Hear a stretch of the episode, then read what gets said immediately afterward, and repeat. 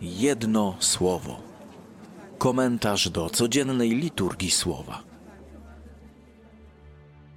Z Ewangelii według świętego Łukasza. Podeszło do Jezusa kilku sadyceuszów, którzy twierdzą, że nie ma zmartwychwstania i zagadnęli go w ten sposób. Nauczycielu, Mojżesz tak nam przepisał. Jeśli umrze czyjś brat, który miał żonę, a był bezdzietny, niech jego brat pojmie ją za żonę i niech wzbudzi potomstwo swemu bratu. Otóż było siedmiu braci. Pierwszy pojął żonę i zmarł bezdzietnie.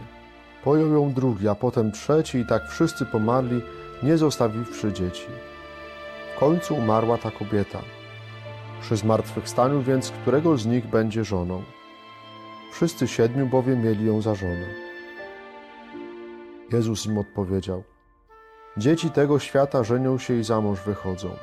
Lecz ci, którzy uznani zostaną za godnych udziału w świecie przyszłym i w powstaniu z martwych, ani się żenić nie będą, ani za mąż wychodzić. Już bowiem umrzeć nie mogą, gdyż są równie aniołom i są dziećmi bożymi, będąc uczestnikami zmartwychwstania. A że umarli zmartwychwstają, to i Mojżesz zaznaczył tam, gdzie jest mowa o krzewie, gdy Pana nazywa Bogiem Abrahama, Bogiem Izaaka i Bogiem Jakuba. Bóg nie jest Bogiem umarłych, lecz żywych. Wszyscy bowiem dla Niego żyją. Na to rzekli niektórzy z uczonych w piśmie. Nauczycielu, dobrze powiedziałeś. I już o nic nie śmieli go pytać. Jedno słowo. Tragikomiczna. To chyba najlepsze określenie historii upadku, ale też władania Antiocha Epifanesa. Tyle zachodu i sił włożonych w budowanie swojego imperium, autorytetu władcy i nagle wszystko się kończy i rozpada jak domek z kart. Każda wiadomość o klęsce powoduje głęboką rozpacz króla, bo nie stało się tak, jak sobie życzył, zapisze autor księgi biblijnej.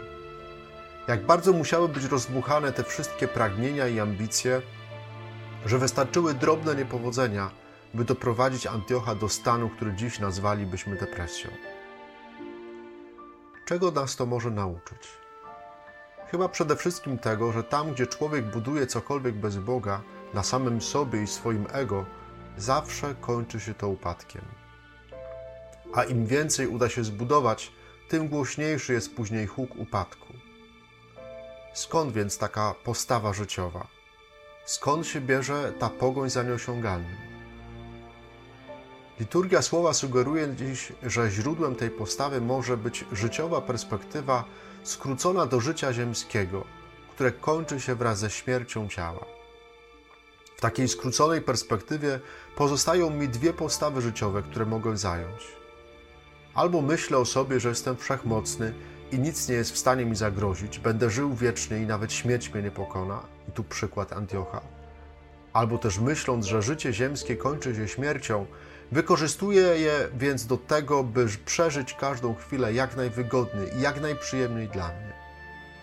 Filozofia nazywa taką postawę hedonistyczną. Wszystko mi się należy, wszystko chcę posiąść dla siebie. Muszę użyć życia, bo kiedyś się ono skończy. Kiedy się to jednak nie udaje, kiedy okazuje się, że nie jestem ani wszechmocny, ani nie mogę mieć wszystkiego, wtedy popadam w rozpacz i smutek. Może więc to dzisiejsze słowo podpowiada nam duchowe wyjaśnienie galopującego konsumpcjonizmu i egoizmu, ale także pokazuje ich skutki, jakimi mogą być rosnące wskaźniki depresji, zaburzeń psychicznych i samobójstw.